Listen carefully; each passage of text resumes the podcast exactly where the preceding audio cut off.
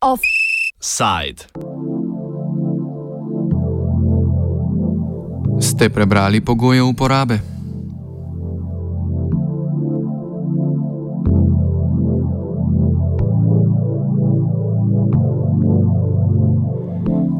Evropska komisija je predstavila predlog nove uredbe o elektronski zasebnosti, ki naj bi zagotovila zasebnost tudi na platformah kot so Facebook, Gmail in WhatsApp ter preprečila sledenje brez privoljenja. Izboljšali naj bi varovanje podatkov pogovorov in metapodatkov o času, lokaciji in drugih faktorjih. Z novo uredbo želijo povečati zaupanje v evropski enotni digitalni trg.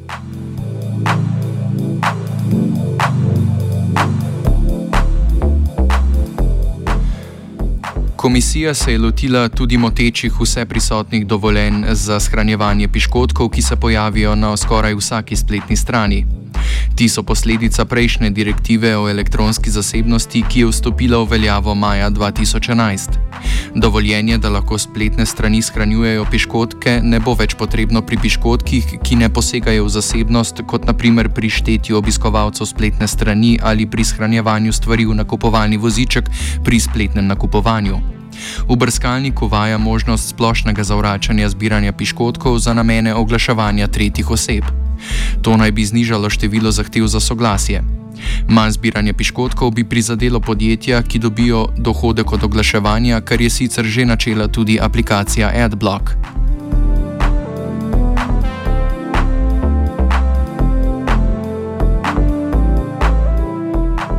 Kaj bi sploh prinesla ta uredba o elektronski zasebnosti, pove Diego Naranjo iz organizacije Digital Rights Europe. Well, uh, ideally, once the process is finished, uh, we'll bring uh, some clarification uh, uh, to what online communications are and how they need to be protected. The e-privacy directive, the former instrument, uh, was a good instrument back then, but it, it, needs a lot of updates because and the, the, technologies have advanced in such a way which we can we can barely mm, see the, the same protections in the in the that instrument apply to the current online uh, environment. Uh, ideally, one if the the protections are in place, uh, people will be uh, more protected when they have uh, their communications online, not only the the phone calls and and the previous communications which were protected in the former directive, but um, all sorts of online tracking, which is one of the main concerning issues for us as a human rights organization. Uh, the text is uh, is modified because uh, in the in the leak version that they had we received in December, there was an Article 10 that was headed with the title "Privacy by Design." Uh, but that has changed in the current text, in the current proposal. And so we, we would like to see that uh, back in. So if the privacy by design by default is uh, is in, in, software and in sort of electronic communications, and that that, that will help uh, users to be uh, by design and by default more protected uh, when they are communicating via Skype or WhatsApp or any using any other application. Je pa ta predlog uredbe bolj ohlapen od tistega, ki je pricurljal v javnost decembra. Spremenil se je recimo deseti člen, ki je prej tretjim osebam preprečeval shranjevanje in procesiranje informacij na posameznikovem računalniku. To je bilo določeno v privzetih nastavitvah, trenutna verzija pa uporabniku to možnost omogoča. Uh, the issue of uh, Article 6 and the, the, the leaked uh, version in December was uh, was protecting more heavily uh, content uh, and which only provided uh, exceptions for, for metadata. And now it provides uh, uh, allows for possession of content information with consent. And, and the, again, the issue of a privacy by design that was included in the former Article 10 in December that needs to be back. And well, we need to be careful with the exceptions clause, uh, which allow uh, a member state to restrict by laws rights and duties for national security, public security, etc. And, and well, and apart from that, we would like to to confirm that, uh, that the proposal allows uh, for uh, civil society groups and consumer organizations to um, to bring uh, legal action in uh, in defense of uh, of their consumers of their representation. Za katere podatke, ki jih zbirajo podjetja, bi bilo treba dobiti privoljenje uporabnika in kako bi lahko podjetja še vedno zbirala metapodatke brez vedenja uporabnika, nadaljuje Naranjo. For the, all the content data and also for the content metadata, which is uh, a great addition uh, that we welcome in, in the text. However, we uh, we need to um, to go deeply in the text because uh, now at the moment um, the article 10, uh, article um, uh, I think six, yeah, article six which talks about how they use how this data and metadata can be processed. it might allow for for sort of a vague consent used to to to that metadata or that content to be processed. So, for example, you you sign up to any terms of conditions which uh, no one reads, and maybe that could be a valid consent uh, with the current text uh, to, to be processed. So we need to be careful with that. Evropska komisija se je lotila tudi problema dovoljen za piškotke. Yeah, exactly. That's uh, the issue of cookies. Uh, I think uh, the the approach uh, uh, is uh, is good in the current proposal, although it needs a bit more uh, clear definition.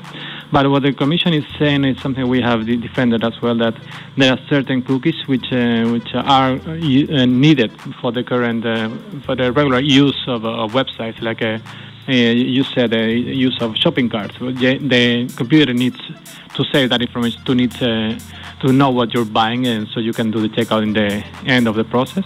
And so for the, that kind of cookies, you would not need uh, uh, to consent for that because it's something that you really need. Uh, but if there are cookies which are going to be used to be to track you to show you a targeted advertisement, of course you would need uh, additional consent. So ideally, this will uh, lower the amount of requests for consent you would uh, receive and only uh, give more information to, to the user. Vse prisotna dovoljenja za piškotke kritizira tudi Matijas Matisen iz oglaševalske organizacije Interactive Advertising Bureau Europe, ki pravi, da nova uredba ne bo zmanjšala števila potrebnih dovoljenj za piškotke na spletnih straneh. Yeah, that is a spin from the European Commission because they too recognize that the cookie banners aren't a good way of doing business. Um, it doesn't help anybody and, in fact, has a detrimental effect on users uh, because there's no warning function anymore. They're completely responsible themselves for what they consent to, even if they don't properly understand what the implications are. Um, unfortunately, the, the privacy regulation that the Commission has proposed yesterday will not change that at all. They have introduced one exception to this rule, which is for first party analytics. So, um, in future cookies that are used exclusively for first party analytics purposes, so how many users are coming to my website, what are they doing, and so on and so forth, won't require consent anymore. Um, so they are arguing that will mean that the majority of websites now won't have to ask for consent anymore, but that doesn't really reflect market realities because most websites aren't data experts, they aren't analytics companies, and they can't do a good job at analytics themselves. So they rely on expert, uh, so called third party analytics providers, uh, the most prominent of which probably would be Google Analytics, which is featured on the majority of websites on the internet. And for this type of third party analytics, the exception is not given, so that we think that uh, the cookie banner will still be ubiquitous. Bo pa nova zakonodaja udarila po podjetjih, ki se ukvarjajo z oglaševanjem. Kako nadaljuje Matijas Matisen? For us, we are the advertising industry. It uh, brings new rules on how you are uh, legally permitted to use cookies and other identifiers that we use to deliver uh, targeted advertising, advertising that you know is closer to your interests. You know, there's information like your name and your email address that is more valuable um, than other data, which is uh, we call it not deterministic. So it's it's not uh, something that we know for a fact.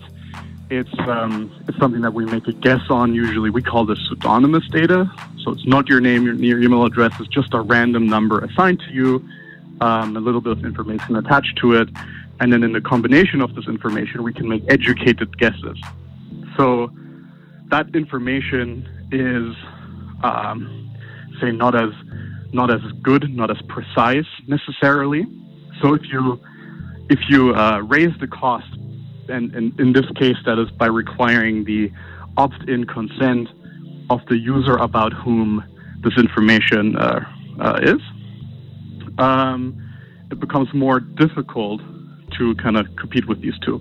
And so that damages uh, that, that damages the, the, the the ability of third parties that fund the majority of kind of websites that users go to every day.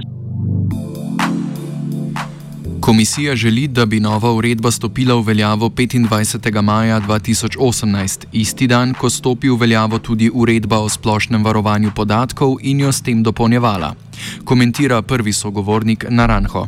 These instruments should not overlap. The, uh, what the e-privacy provides is uh, a clarification, and it's uh, uh, a way to provide uh, simply uh, a complement to the GDPR. So that which is not covered by the GDPR will be uh, uh, particularized and, and, clearly more defined in this instrument. So it should not overlap at all. It should only uh, add uh, some other safeguards for electronic communications in order to protect privacy and confidentiality of communications. Naranjo današnji offside zaključi še s tem, kakšne popravke še potrebuje uredba. Our main uh, point with the Professor uh, we would like uh, this instrument to bring clarification. They, it has taken uh, more than a decade to clarify if IP addresses are um, personal data or not. So we w- don't want uh, the issues of uh, Internet of Things, big data, online tracking being drawn again in this uncertainty for, for, for decades. So we like the privacy regulation to bring clarification. Uh, the Eurobarometer and the consultations uh, uh, that the Commission has published show how important it is for users uh, uh, to maintain their privacy and confidentiality of communications. And we just would like to see that the Parliament takes the, this proposal of the Commission and upgrades it to to have a, the best instrument possible, which is future-proof.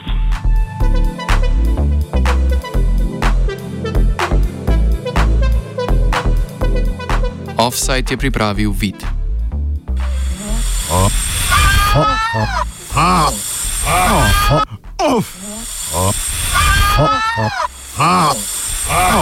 Offside.